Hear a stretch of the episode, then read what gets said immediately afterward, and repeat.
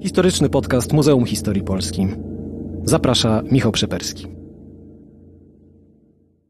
Okazją, dla której e, dzisiaj rozmawiamy, jest mm, no niestety ciągle trwający konflikt e, rosyjsko-ukraiński, e, zainicjowany inwazją Federacji Rosyjskiej na niepodległą Ukrainę 24 lutego 2022 roku. Nie o samym konflikcie będziemy jednak rozmawiać, a raczej o jego, o jego genezie. Myślę, że jednym z pytań, które najczęściej pojawia się w obecnej chwili e, w mediach, w prasie, w internecie, jest to, czy mamy do czynienia właśnie teraz, w lutym, w marcu 2022 roku, z pewnym ostatnim może akordem e, procesu powstawania e, narodu ukraińskiego. Czy ekspert do spraw wschodnich tak na to patrzy? Możemy mówić, że jesteśmy świadkami w ogóle obserwując Ukrainę na przestrzeni ostatnich 30 lat. E, czyli od momentu uzyskania niepodległości w roku 91, mm, jesteśmy świadkami procesu budowania e, ukraińskiej państwowości, ale także ukraińskiej wspólnotowości, ukraińskiej wspólnoty, ukraińskiego narodu. E, niewątpliwie jedną z przyczyn, dla których ten konflikt wybuchł, a wybuchł on w roku 2014, 14. I to tak na to trzeba patrzeć i później w podręcznikach historii tak trzeba będzie to opisywać. Nie, nie będzie można mówić, że była pauza między 14 a 22 rokiem, bo wojna cały czas trwała w Donbasie i cały czas przynosiła ofiary śmiertelne. 2022 e, rok jest tak naprawdę pewnym kolejnym etapem e, prób Rosji zatrzymania pewnych procesów, które się na Ukrainie dokonywa, dokonały, dokonywały i, i miały swoją pewną linię rozwoju także w przyszłości. Ale myślę, że o tym będziemy szerzej rozmawiać na przestrzeni całej, e, całej naszej rozmowy. To, co na pewno trzeba pamiętać właśnie w kontekście roku 2022, to, że jeżeli możemy mówić o jakimś ostatnim akordzie, to nie mówiłbym o ostatnim akordzie budowania się ukraińskiej e, wspólnoty. Raczej bym mówił o ostatnim akordzie postsowieckości i historycznego rewanżyzmu i ostatnim akordzie, ostatnim akcie, akcie desperacji, ale też akcie destrukcji pewnego pokolenia, rosyjskiego pokolenia, pokolenia rosyjskich elit, które przeżyły upadek Związku Radzieckiego, dla których upadek Związku Radzieckiego był i jest oceniany w kategoriach katastrofy, zniszczenia państwowości, zniszczenia statusu imperialnego Rosji. I właśnie to pokolenie, które przeżyło mm, Afganistan, yy, wojnę w Afganistanie, sowiecką wojnę w Afganistanie, które przeżyło wojnę w Czeczeni, yy, postanowiło tak naprawdę na ostatnich latach swego życia, tak to określę, yy, spróbować odwrócić bieg historii. Czy to się im uda, to jest oddzielna dyskusja. Na razie możemy powiedzieć, że to, co Rosjanie robią, czyli odbudowa imperium, przebiega trochę w innym wymiarze niż pewnie by myśleli, bo na razie odbudowa imperium rosyjskiego w rozumieniu Związku Radzieckiego skupia się nie na zdobyczach terytorialnych, nie na zdobyczach ludzkich, społecznych, czyli przejęciu umysłowości i emocji, emocji e, innych narodów, które mogłyby chcieć być częścią e, nowego imperium rosyjskiego. A tak naprawdę jest to tylko i wyłącznie na razie powrót do tego, z czym się Związek Radziecki i Rosja żegnała w, na, na przełomie lat 80. i 90., czyli tak naprawdę na razie widzimy powrót do rosyjskiego izolacjon, izolacjonizmu.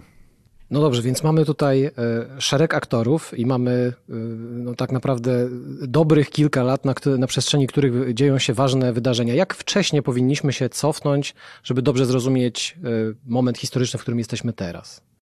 Myślę, że podstawą powinny być e, te 31 lat ukraińskiej niepodległości, czyli powinniśmy się cofnąć do roku 91, na sam, na sam samysieńki początek, choć oczywiście te momenty przełomowe będą również później, ale myślę, że tutaj podstawą jest po pierwsze właśnie uzyskanie niepodległości i procesy, które wówczas się działy. E, działy się oczywiście w wielu innych republikach radzieckich, ale na Ukrainie one były także wzmocniane chociażby pierwszą rewolucją, o której większość ludzi w Polsce nie wie, e, nie pamię lub nie pamięta, a była również istotna, czyli rewolucja na granicie. To jest rok, to są lata 90., e, kiedy właśnie studenci protestując na Majdanie Niezależności, e, na Placu Niepodległości w Kijowie, pierwsze miasteczko namiotowe, tak na dobrą sprawę, jakby domagające się e, niepodległości Ukrainy, zmian po prostu ZSRR. Mm, później te, ten proces oczywiście przebiegał w rytmie kolejnych rewolucji, pomarańczowej rewolucji roku 2004, ale też rewolucji godności roku 2013-2014. I w zasadzie ta ostatnia, trzeba powiedzieć, ta ostatnia jest chyba zapewne najbardziej znacząca, bo właśnie ten okres e, od 2013 do 2022, te 8 lat, tak naprawdę 8 lat, e, miały największą dynamikę i były najistotniejsze, bo one już dotyczyły całej Ukrainy.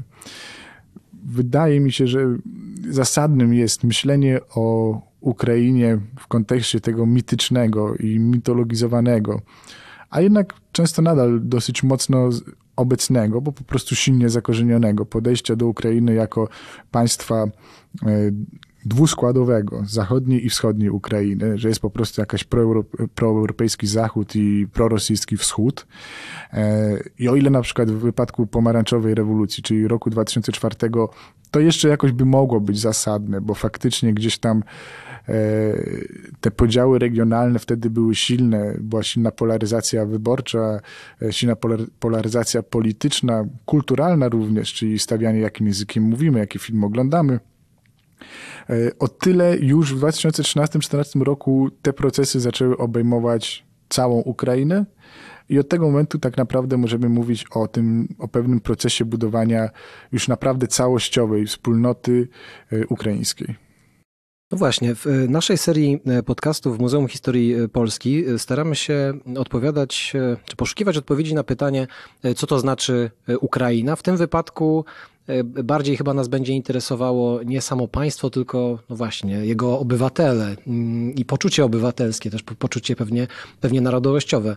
Zadajmy jeszcze raz to pytanie. Dlaczego rok 2013, czy może większy, jeszcze większym stopniu początek 2014 są na tej e, drodze, o której my tutaj mówimy, tak istotne?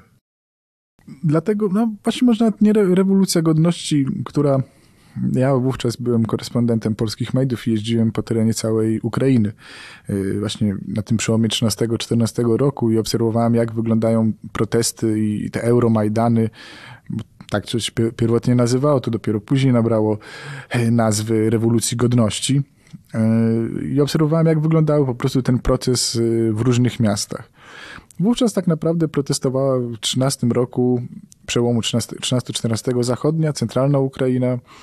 E, wschodnia była mocno, że nie sceptyczna, zdystansowana do wydarzeń w Kijowie, zwłaszcza y, Donbas, zwłaszcza Krym.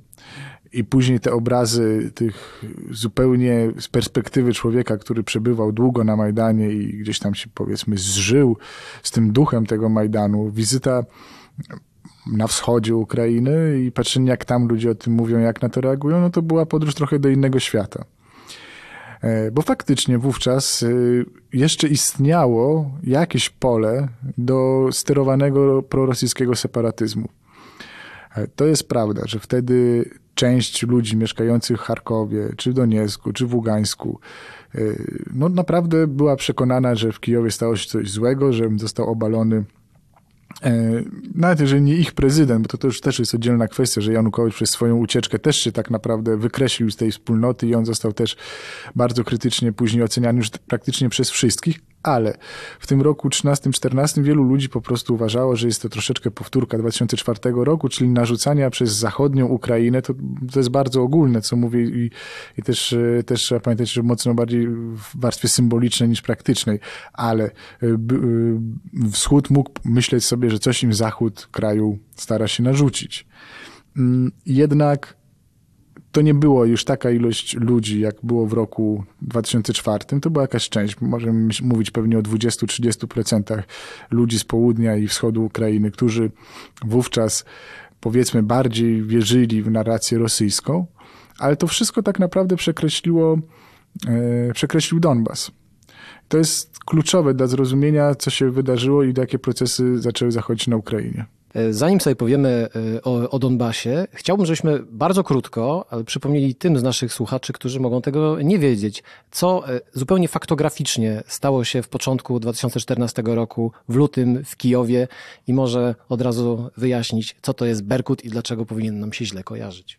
2014 rok, luty, to jest y, krwawa kulminacja protestów, y, które odbywały się na terenie całej Ukrainy, ale których centrum był Plac Niepodległości, Majdan w Kijowie. Y, wówczas 18 i 20 lutego doszło do mm, krwawych starć z Berkutem, czyli z jednostkami specjalnymi ukraińskimi, których duża część z tych operujących wówczas w Kijowie to były oddziały ze wschodniej Ukrainy i z Krymu, co miało duże znaczenie i dlatego oni byli wysłani właśnie przez to, że byli gdzieś tam bardziej agresywnie, powiedzmy, nastawieni do manifestujących. E, I o ile 18 lutego zaczęły padać pierwsze strzały, tego 20 lutego doszło po prostu do krwawej jatki na Majdanie, kiedy zabito ponad 100 osób e, protestujących. Mm, przy czym to w zasadzie nawet nie, był, nie wiadomo, kto to było. To jest do tej pory trochę niewyjaśniona sprawa, tak naprawdę, kto strzelał. E, ci ludzie nie zostali w większości pociągnięci do odpowiedzialności. Mówi się, że to były też oddziały e, oddziału, których część to byli ludzie też z Rosji. To jest w ogóle bardzo duży temat, który wydaje się jeszcze nie do końca zbadany, jeszcze nie do końca e, wszystko jest tutaj jasne, ale jasne jest jedno. Wówczas zginęło ponad 100 osób e, w Kijowie. Oni zostali tak zwaną niebiańską sotnią, czyli właśnie ofiarami dnia 20 lutego, którzy położyli swoje życie za Ukrainę, która dokonuje wyboru europejskiego, która dokonuje pewnego wyboru innych wartości niż te, które oferował im ten tak zwany ruski mir, ruski świat. Bo to dlatego ostatecznie ta rewolucja, która na początku była nazywana Euromajdanem, ostateczną jej nazwą używaną jest rewolucja godności, bo gdzieś te protesty, i to też bardzo często umykało ludziom w Polsce, którzy cały czas mówili Euromajdan, Europa, Europa, yy, oni walczą o wstąpienie do Unii Europejskiej. To nie do końca tak było, bo nawet do tej pory wydaje mi się, że bardzo wielu Ukraińców nie ma takiego jasno sprecyzowanego wyobrażenia Europy, w sensie takiego rozumienia, czym jest Unia Europejska. To jest bardziej też pewien mit, pewne, pewien symbol, symbol stojący w kontrze do właśnie ruskiego świata, bo to, to, ta Europa się z czym ma kojarzyć? Ma się kojarzyć z pewnym porządkiem, ale porządkiem prawnym, uczciwością, wspólnymi zasadami dla wszystkich graczy na scenie politycznej, biznesowej, e, gdzie prawo obowiązuje, gdzie nie ma równych i równiejszych. I gdzie człowiek może po prostu żyć godnie, a nie być ofiarą permanentnie e, skorumpowanego i zgniłego systemu. Bo wówczas, jak rozmawiałem z ludźmi, którzy protestowali, bardzo wiele rozmów, bardzo wielu protestujących, to byli ludzie, którzy byli przedsiębiorcami to też trzeba pamiętać, że e, trochę wcześniej, przed rewolucją godności, był taki protest przedsiębiorców, e, wymierzony w zmiany w systemie podatkowym i w ogóle w tym, jak jest urządzone państwo ukraińskie dla e, ludzi prowadzących biznes.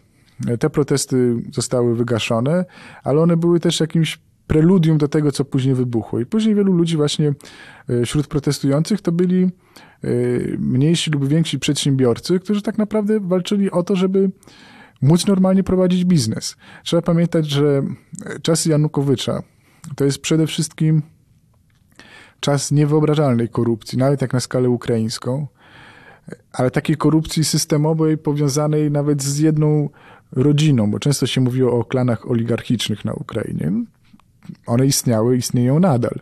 Oligarchowie mieli potężną rolę i mają nadal, odgrywają potężną rolę na Ukrainie. Ale właśnie Wiktor Janukowicz, i to też jest jego przyczyną upadku, jedną z, by zaczął budować swój własny klan oligarchiczny i w ciągu zaledwie e, naprawdę dwóch, trzech lat e, zbudował kompletny, oddzielny klan oligarchiczny powiązany z nim samym, który bardzo, bardzo e, bezwzględnie odbierał biznesy innym ludziom. Przejmował, e, przejmował biznesy, przejmował e, pieniądze, po prostu kradł. To jest coś, co bardzo trzeba pamiętać, kiedy mówimy o, o Ukrainie, bo rzeczywiście ta kwestia korupcji i tego, jak z nią walczyć, to jest temat, który jest obecny również y, teraz i do tej chwili, do momentu wybuchu wojny on istniał. Gdy mówimy o, o niesławnej pamięci prezydencie Janukowyczu, to ci z nas, którzy bardziej śledzą gazety, będą wiedzieć, że pojawił się on jakiś czas temu na Białorusi jako uczestnik jakichś e, nieokreślonej jakości e, rozmów politycznych. To nas znowu nie interesuje. Bardziej interesuje mnie w tym momencie to, że w lutym 2014 roku Janukowycz, no jak to określić, zdezerterował, uciekł po prostu z Ukrainy. Uciekł z Ukrainy, ale właśnie on też Dlatego tak to wyglądało i dlatego on ostatecznie pozostał w tym osamotniony, no właśnie z powodu tego, że budował swój własny klan oligarchiczny. To jest bardzo istotne, bo ukraińscy prezydenci, e, wszyscy, łącznie z Zełenskim. Każdy ukraiński prezydent musiał jakoś układać sobie relacje e, z, właśnie z tymi klanami oligarchicznymi i oligarchami. E, to zawsze było jakieś balansowanie, no w zasadzie można powiedzieć, jest król i są bojarzy, ale w zasadzie to nawet nie, nie są bojarzy, co bardziej udzielni, e, udzielni książęta na tym terenie z którymi musiał po prostu uprawiać politykę. Trochę wesprzeć jednego przeciw drugiemu, e, wejść sojusz bliżej z jednym, żeby być przeciwko drugiemu. To się na przestrzeni lat zmieniało bardzo często. E, to nie było tak, że na przykład już jak wyprzedzałem troszeczkę fakty, jak Poroszenko układał sobie relacje z oligarchami, no to były momenty, że był bardzo anty Rinat Achmetow, czyli klan doniecki, który też był blisko z Janukowiczem, ale później okazywało się, że jednak czasem był z nim dosyć blisko i pozwalał mu robić biznesy. Więc ta relacja z oligarchami była bardzo istotna dla, jest bardzo istotna dla Ukrainy. I w wypadku Janukowycza, on stawiając na budowę niezależnego, własnego klanu oligarchicznego, tak naprawdę wypisał się z tej roli człowieka, który troszeczkę może jest nad tym, obok tego, a po prostu staje się jednym z uczestników tej gry i po prostu jednym z oligarchów. I po prostu zanim ostatecznie przez te jego działania korupcyjne i niewyobrażalną, jeszcze raz podkreślę, skalę kradzieży i skalę, e, skalę przejmowania całych gałęzi na dobrą sprawę biznesu, które często należały do innych oligarchów, to też jest bardzo istotne. On następował e, na ich interesy. E, dlatego jak wybuchła rewolucja godności, on tak naprawdę summa summarum został w tym wszystkim sam.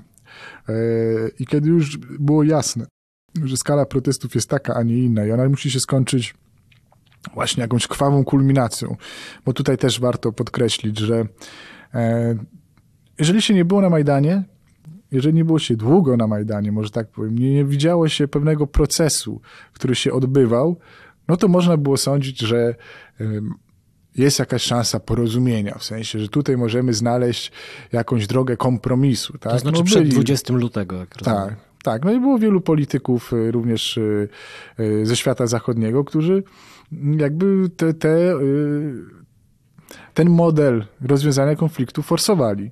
Ale on był niemożliwy. Było jasne, że to jest, mówiąc kolokwialnie, wóz albo przewóz. Że tutaj nie jest, ten tłum, te, te miliony ludzi, którzy wystąpiło właśnie walcząc o swoją godność, nie mogą się zgodzić na to, że tak naprawdę ten prezydent zostanie, i będzie jakaś forma zgniłego kompromisu, bo jaki to może być kompromis?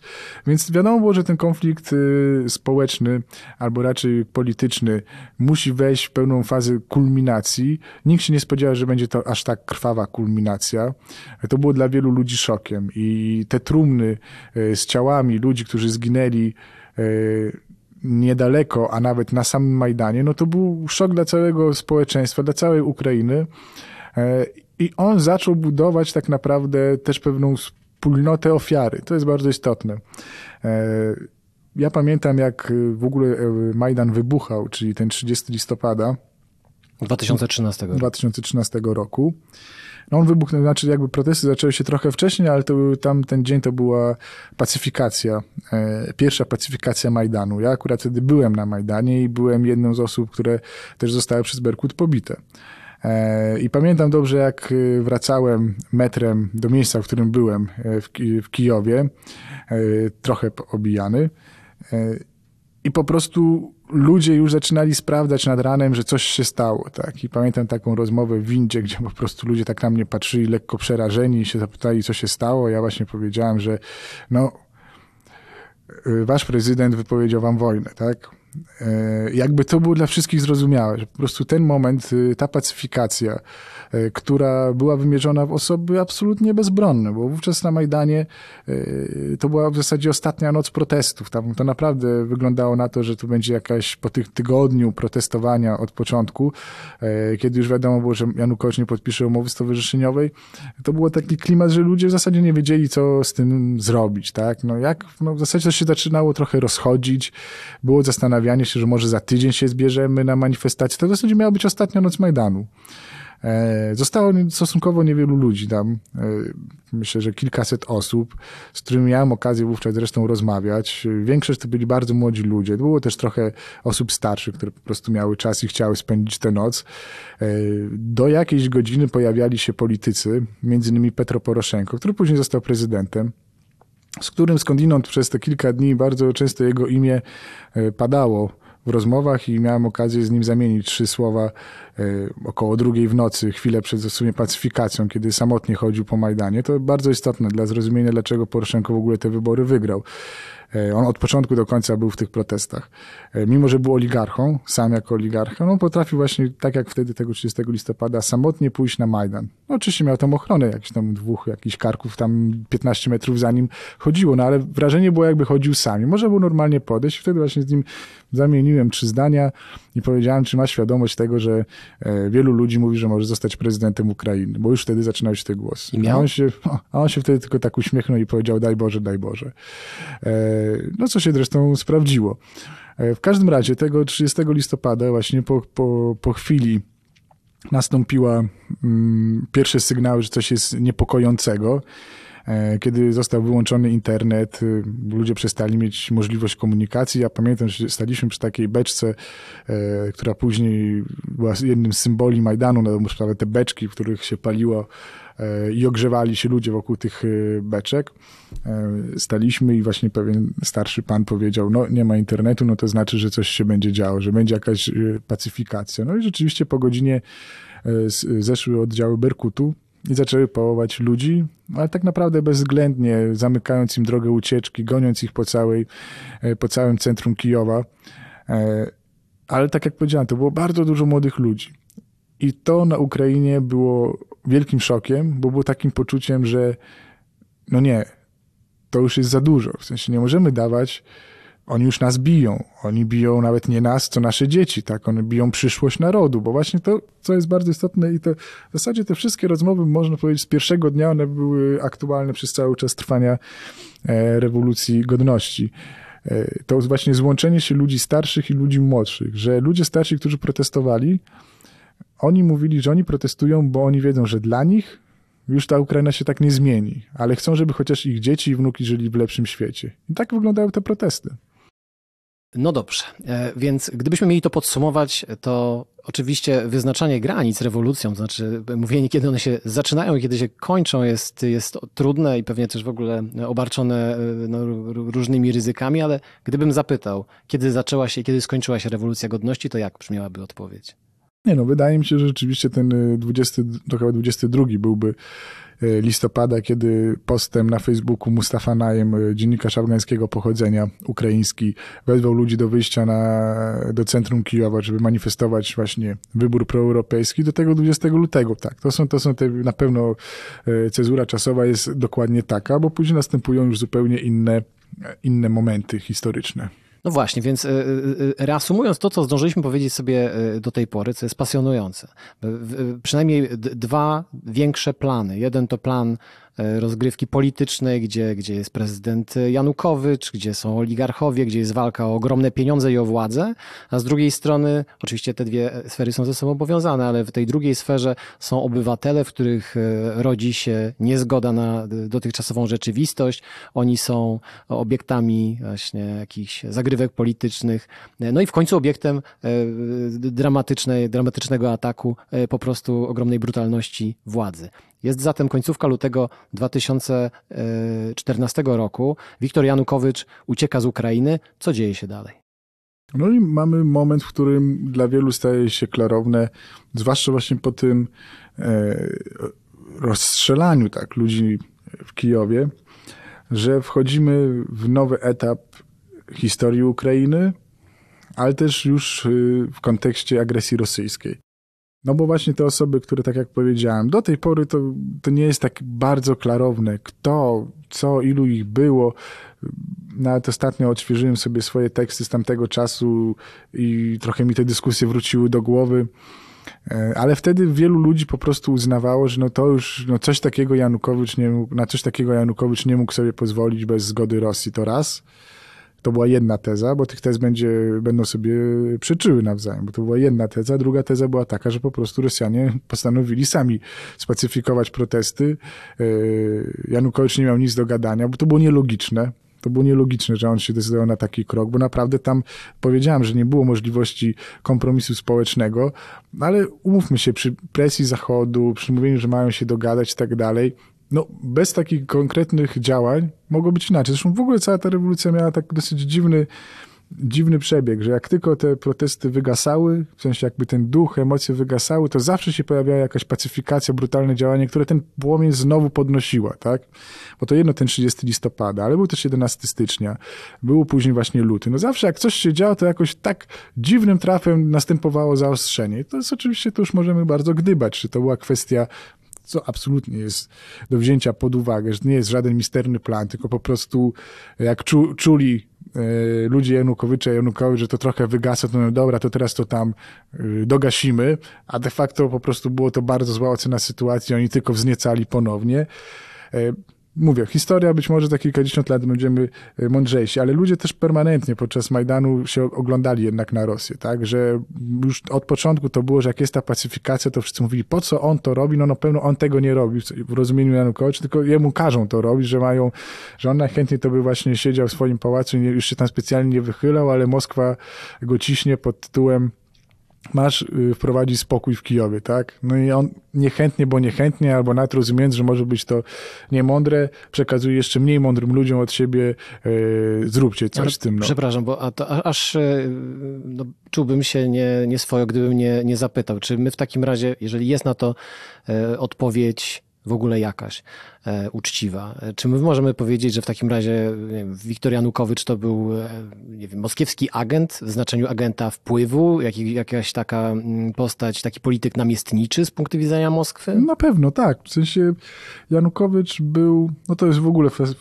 poniekąd fascynująca postać, jeżeli by się weszło głębiej w jego biografię i zobaczyło, no to był naprawdę e, dosyć prosty, ale bardzo sprytny wewnętrznie, politycznie e, człowiek, który naprawdę no, były, było masa żartów i memów pojawiało się za czasów prezydentury Janukowycza, bo rzeczywiście no, popełniał straszne gafy, straszne głupoty, gadał głupie rzeczy bardzo często i jakby nikt go specjalnie tak...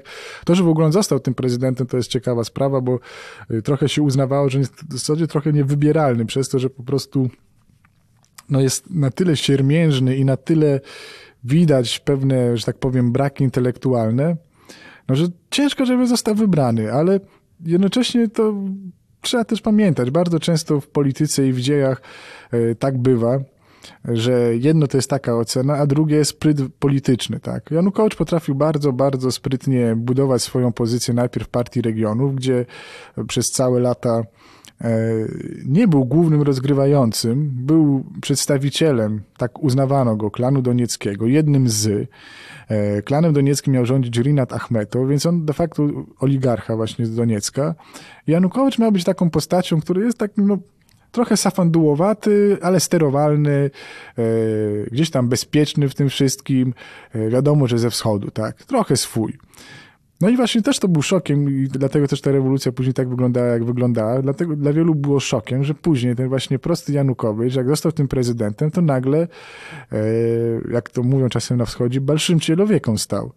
E, czyli po prostu poczuł się naprawdę, że teraz to jest ważne i on właśnie zaczął budować swój własny klan oligarchiczny, wymykać się spod kontroli ludzi, których miał być, e, przez których uznawano, że miał być kontrolowany. No i tak później historia się potyczyła, a gdzie, w tym wszystkim, no. a gdzie w tym wszystkim Rosja w takim razie? No Rosja w tym wszystkim, jeżeli jest się przedstawicielem e, klanu donieckiego, no to to po prostu był rejon przez lata bardzo prorosyjski, z licznymi związkami również biznesowymi z Rosją. E, Janukowicz po prostu myślę, że on mentalnie zawsze był człowiekiem y, nie, nie tyle sowieckim, tylko człowiekiem rosyjskim. Choć on oczywiście też tam starał się w różnych momentach, jak każdy ukraiński prezydent, y, mówić, zaczynać mówić po ukraińsku, kiedy zostawał prezydentem.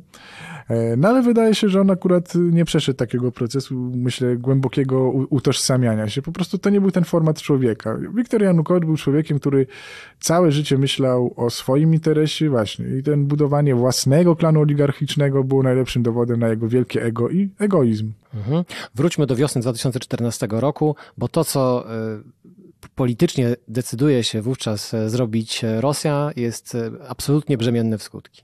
To prawda ale też, bo oczywiście mam świadomość, że tutaj cały czas gdzieś tam wracamy. Już się wydaje, że zaraz będziemy mówić o, o coraz późniejszych czasach, a cały czas gdzieś tam się cofamy e, do tyłu, ale no bez tego szerokiego pejzażu trudniej zrozumieć to, co się dzieje e, właśnie w roku 14 i czym jest aneksja, czym zaczyna być aneksja Krymu. Dlatego powiedziałem o tym, że trochę nie wiadomo, kto strzelał na Majdanie, że Janukowicz był może prorosyjski, że przez cały czas protestów pojawiały się ten oglądanie się na Moskwę. E, Dlatego, że nawet pojawiały się tezy, to jest trzecia teza, którą powiedziałem, dlaczego doszło do pacyfikacji 20 lutego. Trzecia teza była, że to jest oczywiście zakładanie demiurgicznych planów, tak? E, I nie sądzę, z perspektywy lat nie sądzę, żeby tak było, choć wtedy byłem przekonany, że dokładnie tak było, że troszeczkę też ten pacyfikacja Majdanu w 14 roku to było taki e, miał być taki trigger, rozpoczęcie właśnie czegoś większego, że było wiadomo, że dobra, Janukowicz odchodzi, no ale no to jest to już się zaczyna na, jazda na całego, to jest już pretekst, to jest casus belli, który można wykorzystać do to jest prowokacja. pretekst do pretekst. rosyjskiej interwencji. Tak, to jest pretekst do szybkiej interwencji e, i mówię, no to, to, te dyskusje zawsze się będą toczyły w środowisku analitycznym, czy Moskwa reaguje na bieżąco, czy Moskwa jest tak e, świetnie przygotowana, że ma po prostu 10 planów, 10 e, różnych scenariuszy po szafach pochowanych, tak, i później jak coś nie wychodzi, wyjmują karteczkę B, nie wychodzi karteczka B, wyjmują karteczkę C. Ale mówię, z perspektywy czasu uważam, że nie ma też to sądzić, że to jest aż tak demiurgiczne. Tam bardzo często i w ogóle w polityce bardzo często e, decyzje są podejmowane pod wpływem impulsu, są reaktywne, a nie aktywne. Nie, po prostu coś się dzieje i trzeba na to jakoś zareagować. Tym niemniej, rzeczywiście zmiana władz w Kijowie z takim totalnym usunięciem środowiska prorosyjskiego, no bo to tym się właśnie skończył 20 lutego, tak? Tym, że po prostu e, partia prorosyjska, partia regionów, która przez ostatnie lata poprzedzające rewolucję była, wydawało się, wszechmocna e, pod kątem opanowania państwa, sypie się totalnie. Władze przyjmują środowiska w pełni opozycyjne, zorientowane w 100% na zachód. No i rzeczywiście się zaczyna tworzyć sytuacja e, dla Rosji geopolitycznie i w ich rozumieniu imperialnym, gdzie Ukraina zawsze powinna być pod ich butem i jakoś kontrolowana, no jest sytuacja, w której trzeba jakoś zareagować. To, że Rosjanie od lat chcieli po prostu tę Ukrainę jakoś podzielić, to nie ma wątpliwości. Wydaje mi się, że po prostu też tamten moment okazał się dla nich, e, no właśnie, dobrym pretekstem, e, że no chyba jednak nie wychodzi do końca z tą Ukrainą właśnie z taką marionetką, no to musimy tutaj, no to odbierzemy tyle, ile możemy. Zwłaszcza, że naprawdę, tak jak powiedziałem na wstępie tej rozmowy, wówczas faktycznie na w południowych i wschodnich obwodach Ukrainy ten ta część społeczeństwa, która było, można byłoby nazwać prorosyjską lub z jakimś sentymentem do Rosji, która gdzieś tam widziała, że trzeba e, w ich rozumieniu być blisko Rosji, że gdzie my tam na ten zachód się pchamy, my jesteśmy przecież ludzie ze wschodu, więc powinniśmy z Rosją współpracować, ten procent był dosyć wysoki. Ale nie był to procent e, wystarczający, co pokazało później wydarzenia, wystarczający, ażeby te regiony przejąć, gdyż właśnie rewolucja godności rozpoczęła proces budowania przyspieszonego ukraińskiego narodu politycznego i spowodowała, że ludzie, którzy być może wcześniej na Ukrainie sami by na to nie zastanawiali, albo nie zastanawiali się nad tym, czy w sumie są Ukraińcami, czy są Rosjanami, jesteśmy stąd, zaczęła coraz bardziej wyraźnie rozumieć, że y, sami czują, jaki wybór dokonują i to oznacza, że oni są w kontrze do tego rosyjskiego wyboru, tak? Tutaj dochodzimy do bardzo ważnych y, rzeczy, bo to jedno to jest aneksja Krymu, a to jest oddzielny temat kompletnie, a inną rzeczą jest tak zwana rosyjska wiosna, czyli budowanie sterowanych separatyzmów w regionach południowo-wschodniej Ukrainy, która była operacją przeprowadzaną przez Rosję. Mhm, myślę, że w takim wypadku no, z uwagi na no, też wydarzenia, których świadkami byliśmy dopiero co, skupmy się może na, na tym drugim z elementów. Rosyjska wiosna.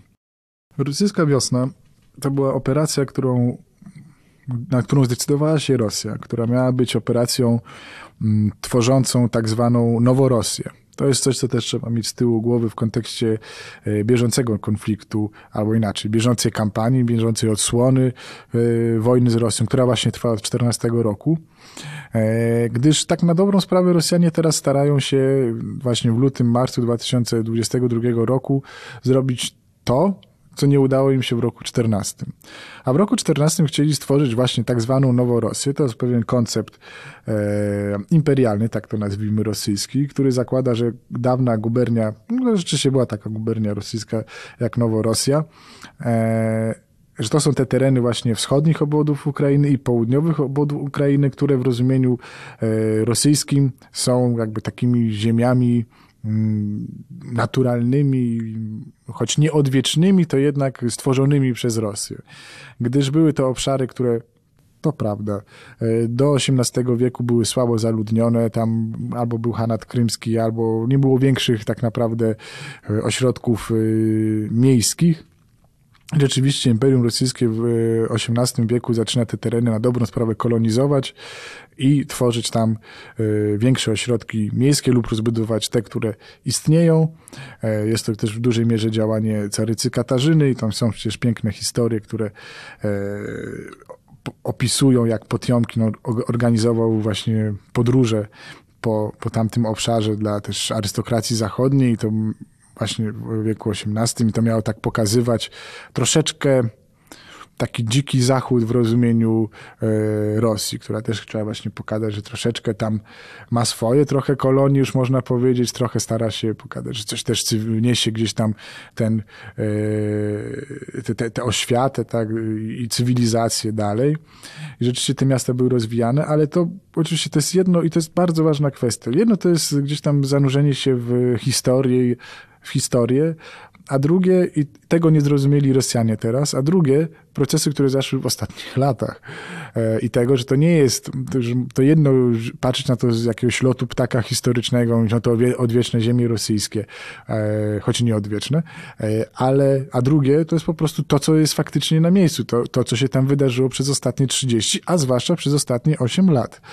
A przez ostatnie 8 lat doszło tam do po prostu jednego ważnego zrozumienia, że Rosja i ruski mir niesie śmierć, niesie wojnę, niesie korupcję, niesie przemoc, e, nie niesie nic dobrego. I rozumiem, że to jest rozpoznanie, które jest udziałem obywateli ukraińskich. To Ukraińcy z regionów południowo-wschodnich doskonale to sobie zdali sprawę, bo o ile właśnie na wiosnę 2014 roku pojawiały się te prorosyjskie manifestacje, które praktycznie w każdym wypadku, jeżeli chodzi o większe miasto, były również przez służby rosyjskie wspierane.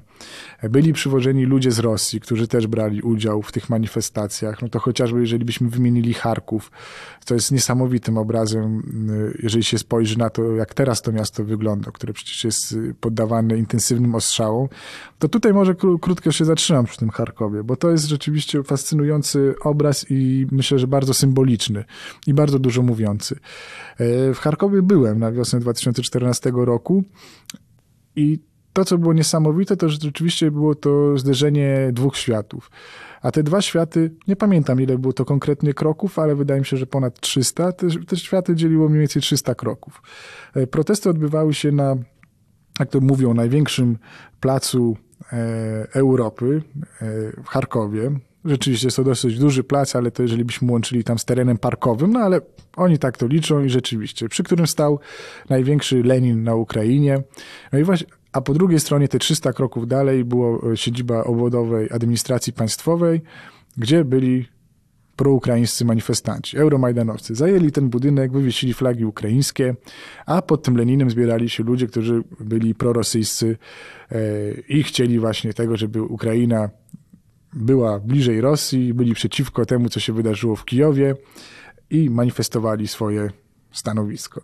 To, co było ciekawe, że rozmawiałem z jednymi z drugimi ludźmi, to było strasznie blisko, to po prostu człowiek przechodził, ale mówię, to było te 300 kilka kroków, a się przechodziło z jednego świata, z jednego uniwersum do zupełnie innego świata. Jeżeli się rozmawiało z ludźmi z Euromajdanu, to widziało się gdzieś większą świadomość, bym powiedział, yy, że to było bardziej przemyślane to, co oni robią, że to za tym stała naprawdę pewna głębsza refleksja tego, po co my tu jesteśmy, o co walczymy i dlaczego jest to ważne. A jak się rozmawiało z, z tym środowiskiem prorosyjskim, to często były to proste hasła, yy, głównie z rosyjskiej propagandy, yy, które wiązały się z jakąś często własną historią rodzinną, ale tak na dobrą sprawę to, to jest bardzo ciekawe, bo ci ludzie tak naprawdę byli, bym powiedział, jakoś może nie oszołomieni, może nie otumanieniu, to są strasznie grube i obraźliwe słowa, ale faktycznie oni byli bardzo mocno nakręceni przed rosyjską propagandą, tak? I jeżeli się z nimi, bardzo jak ja podchodziłem, mówiłem, że jestem dziennikarzem z Polski, to, to byli tak dosyć sceptycznie do mnie nastawieni. Później jakoś mi się udawało zwykle ich e, uspokoić, oswoić i, i trochę mi tam mówili. No ale tak naprawdę to właśnie było widać, że to bardziej wynikało z jakiegoś takiego, bym powiedział, trwania trwania pewnych schematów myślowych, trwania pewnych idei, które po prostu mi się wydawały naturalne, ale właśnie nierefleksyjne głęboko. Po prostu tak jest. My jesteśmy tutaj, my jesteśmy blisko Rosji, powinniśmy być, a tam się dzieje coś złego. Tyle. A jak się rozmawiało z Euromajdanem, no to było, to naprawdę można było wejść w głębszą, głębszą rozmowę, dlaczego chcemy być w Europie, dlaczego to jest ważne, głębsze wejście w historię. To były zupełnie dwa różne światy. Ale te dwa różne światy skończyły się 1 marca 2014 roku. Ja wyjechałem dzień wcześniej z Charkowa. E, dzień wcześniej byłem w tym budynku zajętym przez e, Euromajdan, przez rewolucjonistów proukraińskich, tak to nazwijmy. Rozmawiałem tam wtedy z pisarzem bardzo znanym ukraińskim Serhijem Żadanem na schodach i też właśnie się zastanawialiśmy, jak ta sytuacja w mieście się potoczy, bo tam był taki bardzo legendarny, legendarny mer miasta wieloletni Henadi Kernes, który był no, tak uznawany za otwarcie prorosyjskiego, e, który faktycznie, to było jeszcze bardziej fascynujące, e, organizował wtedy, kiedy byłem taką ustawkę, bym powiedział, gdzie powiedział, że pójdzie do ludzi z Euromajdanu i z nimi pogada, żeby zwolnili ten budynek, bo to jest nasz budynek, a oni tam otumanieni tą właśnie propagandą zachodnią zajęli, ale on, jak to dobry gospodarz, pójdzie pogada. No akurat z nim, z nim szedłem wówczas, e, jakoś w miarę blisko i widziałem tę rozmowę na żywo, tak. No absolutnie nie był zainteresowany rozmową z tym Euromajdanem. E, przeszedł ulicę, jak przeszedł tę ulicę z powrotem, a to już, nie było, to już nie było 300 kroków, to było 15 kroków. I ta prorosyjska część się zebrała wokół takiej mikrosceny zaaranżowanej na potrzeby tego wystąpienia mera. To już naprawdę było 15 metrów po prostu właśnie jeden świat ukraiński, proukraiński, drugi świat prorosyjski i tylko droga między nimi. Droga, przez którą skądinąd przejeżdżały wówczas co jakiś czas samochody i to też było fascynujące. Te samochody albo przejeżdżała kolumna z ukraińskimi flagami, albo kolumna z ukraińskimi, y, z rosyjskimi lub charkowskimi, miejskimi flagami przejeżdżały. I tak sobie te dwa światy i ta rzeka ich dzieląca samochodów funkcjonowały. No i ten Kernes wrócił, e, ten mer Kernes wrócił z tych rozmów wyszedł na scenę i zaczyna mówić, że patrzyłem w ich oczy, to są narkomani, to są po prostu opętani ludzie, e, jakiś totalny element społeczny, więc musimy tutaj być zdecydowanie, e, zdecydowanie dać temu odpór, no i oczywiście brawa i tak dalej. Co ciekawe, wówczas yy, puszczali euromajdanowcy w czasie jego wystąpienia. To, to, to są prawdziwe historie i one są bardzo symboliczne, ale też się wydarzyły. W tamtym momencie euromajdanowcy puścili e, bardzo, bardzo znany numer, e, kawałek mm, jeszcze bardziej znanego zespołu Okean Elzy. To jest taki podstawowy, absolutnie, no to można powiedzieć, ukraińscy Beatlesi, choć współcześnie, ale to takie, to nie da się porównać do niczego w Polsce, że tak powiem. To jest po prostu suma znaczenia kilku polskich zespołów e, muzycznych. Po prostu totalnie najważniejsi. I oni właśnie mieli piosenkę Stina, Ściana, i której właśnie Światosław Wakarczuk, lider tej grupy, właśnie śpiewa, że między nami jest ściana i że powinniśmy dążyć do tego, żeby ją zburzyć. No i ten numer ściana opuszczany na, na fula, Kernes krzyczący o narkomanach po drugiej stronie i ta rzeka samochodów e, jadących między e, tymi dwoma światami. No i to się skończyło wszystko 1 marca, kiedy, e, kiedy prorosyjscy manifestanci, ale właśnie z przywiezionymi ludźmi z Rosji, bo to było wiadome, że duża część tych ludzi, którzy później zrobili to, co zrobili, o czym za chwilę powiem, to byli ludzie, którzy zostali zwiezieni e, z leżącego obok, e, kilkadziesiąt kilometrów obok Białgorodu, e, z którego skądinąd teraz też są właśnie 8 lat później wojska rosyjskie wysyłane w kierunku Charkowa. Oni przyjechali tam i po prostu brutalnie przejęli budynek obwodowy administracji państwowej, wyciągając tych ludzi, z którymi rozmawiałem dzień wcześniej, co było później bardzo takim gdzieś koszmarnym wrażeniem, bo upiornym wręcz, bo już byłem w innym miejscu, ale oglądałem w internecie to, co się stało w Charkowie widziałem te twarze, z którymi rozmawiałem kilkanaście godzin wcześniej. E, oni po prostu urządzili lincz, tak? To był ten tłum podszedł pod, e, pod ten budynek, wdarł się do środka, ich było więcej, więc wyciągnęli tych Majdanowców, pobili, powyrywali im włosy, porozbijali, e, porozbijali nosy, skopali, kazali klęczeć na kolana, przepraszam za to, że chcieli właśnie obalić, tak? Obalili władzę. Koszmarne sceny. To był po prostu taki niesamowita euforia prorosyjskiego bezmyślnego, to ostro powiem, tłumu, który jak jakimś barbarii, zdziczeniu się cieszył po prostu z tego, że tych y, proukraińskich wyciągają i ich po prostu upokarzają totalnie. Wtedy też zresztą ten pisarz, o którym wspomniałem, Żadan, również został pobity. No i to były koszmarne, koszmarne sceny, bo to głównie byli jakieś chłopaki stosunkowo młode, dwudziestoparoletnie, które zostały przez ten tłum poszarpane totalnie. Właśnie ostatnio, kiedy pisałem na ten temat też y, tekst y, na swoim Facebooku, na którym teraz cały czas coś publikuję skądinąd odnośnie Ukrainy, też tego rodzaju wspomnienia. E, wyszukałem zdjęcia z tamtego czasu i to było niesamowite, bo jak się zestawi dwa zdjęcia z 1 marca, z 1 marca 2014 roku i 1 marca 2022 roku, znowu gigantyczna symbolika. Bo 1 marca 2014 roku na tych zdjęciach zobaczymy właśnie ten euforyczny e, tłum prorosyjski, ale taki, tak patrz na tych ludzi, no to naprawdę yy, jakaś taka takie zdziczenie, satysfakcja ze zdziczenia, z tego, że się właśnie kogoś poniżyło. A jak się spojrzy na zdjęcie z 1 marca 2022 roku, no właśnie wtedy spadły bomby na ten budynek. Rosyjskie bomby. E, którego to oszczędnie zniszczyły. Zniszczyły ten plac, zniszczyły centrum miasta. To właśnie Rosjanie zrobili 1 marca 2022 roku. I skądinąd ja uważam, że Rosjanie mają bardzo, e, że tak powiem, rozwiniętą świadomość symboliczną i wydaje mi się, że to nie jest przypadkiem, że właśnie 1 marca zdecydowali się na ostrzał tego budynku. Bo ten budynek był symbolem. Był symbolem tego, że tak, 1 marca się udało 14 roku go przejąć, ale się nie udało przejąć tego miasta, tak? E, te protesty zostały wygaszone. One gdzieś tam się rozjaśniły przede wszystkim Ukraińcy bardzo wówczas w Charkowie jeszcze byli w stanie zareagować i udało się nie doprowadzić do ogłoszenia suma summarum albo takiego ukonstytuowania się może, bo ogłoszenie to jedno, ale ukonstytuowania się tej Charkowskiej Republiki Ludowej. Tego nie udało się natomiast zrobić w Donbasie. Mhm.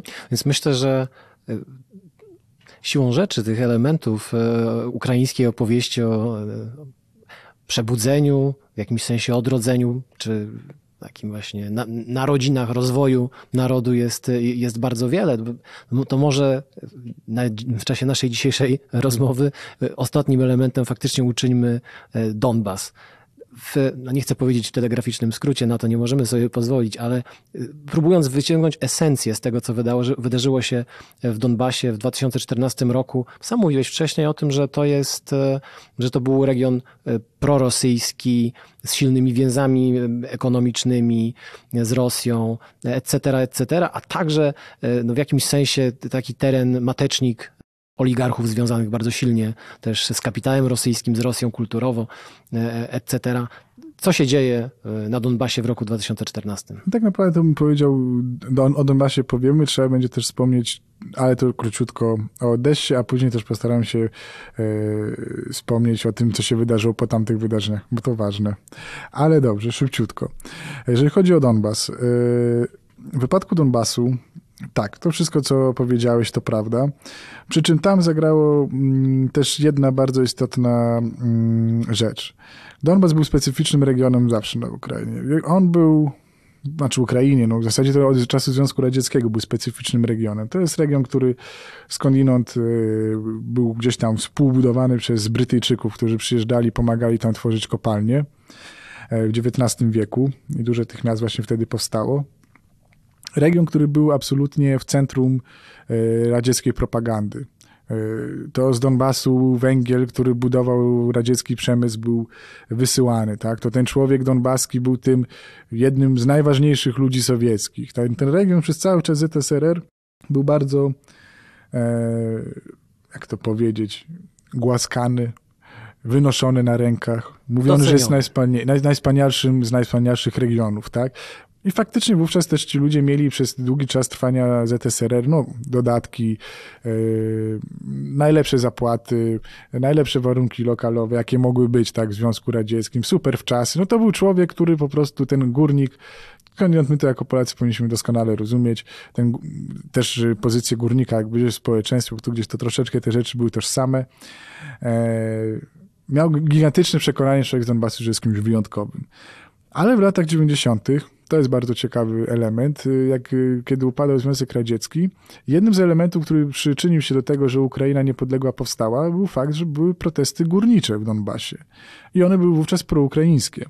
One wówczas y, zakładały, że jak będziemy mieli niezależność od y, już właśnie upadającego wówczas gdzieś imperium, które już przestało właśnie e, hodować i dawać te e, pieniądze e, ludziom tam żyjącym, ten prestiż spadł, no to oni po prostu, my jesteśmy niezależni, będziemy w ramach tej naszej republiki, jak będziemy się sami rządzić, to będzie lepiej. I między innymi te górnicze protesty przyczyniły się do tego, to jest bardzo istotne w kontekście historycznym, przyczyniły się do powstania Ukrainy.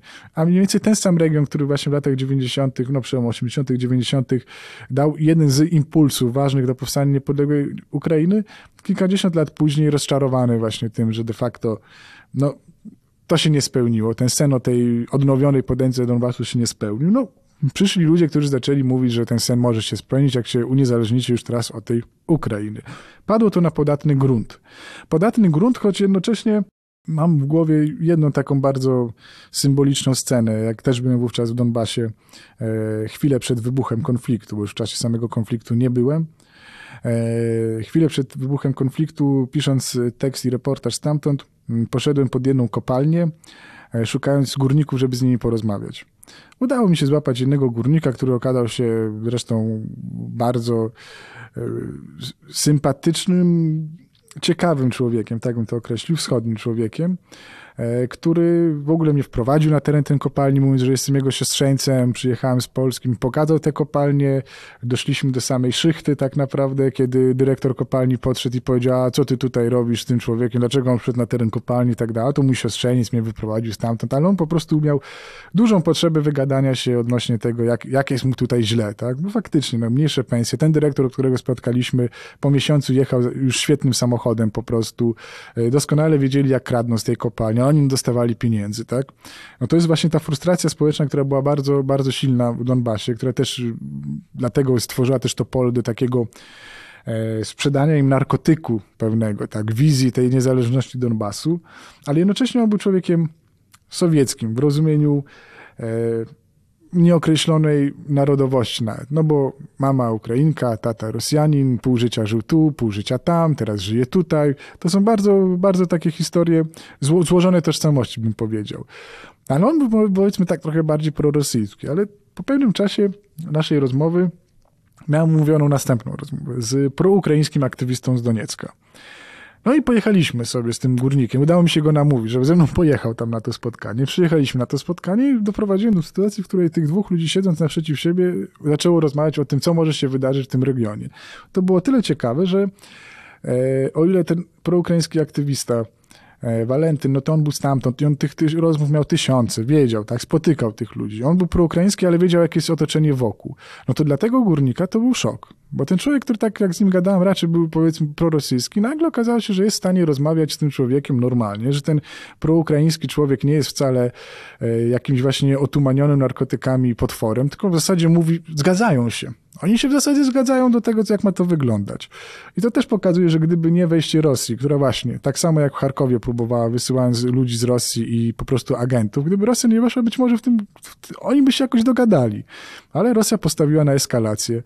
E, zostały wysłane oddziały e, z Rosji, które zaczęły zajmować budynki administracji publicznej. No i tak wybuchł ten konflikt, który później przez 8 lat swojego trwania przyniósł tysiące ofiar e, i to, co się dzieje. A jednocześnie ten konflikt i to doświadczenie tej wojny spowodowało, że ludzie na Ukrainie, właśnie, przez ten konflikt nie wyszło nigdzie indziej. Bo ludzie zrozumieli, że jeżeli wchodzą, jak wyglądała sytuacja w Charkowie, jak wyglądała w Doniecku, w Ługańsku i właśnie na ta Odessa i te inne regiony, które być może tam był jakiś potencjał, żeby też podobne protesty i próby były podejmowane, no powiedziałem, no nie, no w sensie jak my teraz będziemy wychodzić, będziemy tacy separatystyczni w cudzysłowie, no to przecież to w ogóle się skończy koszmarną wojną. No i po prostu to gdzieś tam się rozeszło, tak? A później przez 8 lat tego konfliktu, uświadamiania sobie, że tak naprawdę to jest coś, e, że ten ruski mir to żadna nie jest oferta, tak? Że jednak się tworzy jakaś nowa wspólnota ukraińska. Ci ludzie po prostu tam naprawdę zrozumieli, że to nie jest dla nich żadna oferta. A teraz, dzisiaj nawet jeżeli powiedzmy 23 lutego w rozmowie w kuchni swojej mówili, że może no w zasadzie ta Rosja może nie jest taka zła, w sensie jestem Ukraińcem, ale może trochę przesadzamy czasem z tymi Rosjanami, no to już nie ma takich ludzi. Bo teraz ten konflikt objął, to jest najbardziej w tym gdzieś absurdalne i irracjonalne, że Rosja mówiąc o tym, że idzie bronić y, rosyjską ludność, teraz tę rosyjską ludność morduje, tak? No przecież jeżeli mówimy o Mariupolu, mówimy o Charkowie, to są miasta, które są rosyjskojęzyczne, gdzie duża część ludzi etnicznie jest Rosjanami, a Rosjanie ich mordują.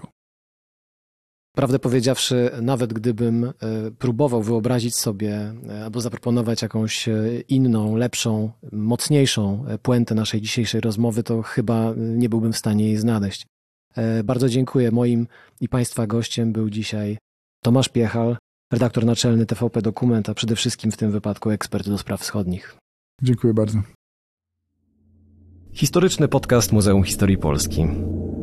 Podcastów Muzeum Historii Polski wysłuchasz na YouTube, Spotify, Google Podcast, w Audiotece, a także na innych platformach podcastowych.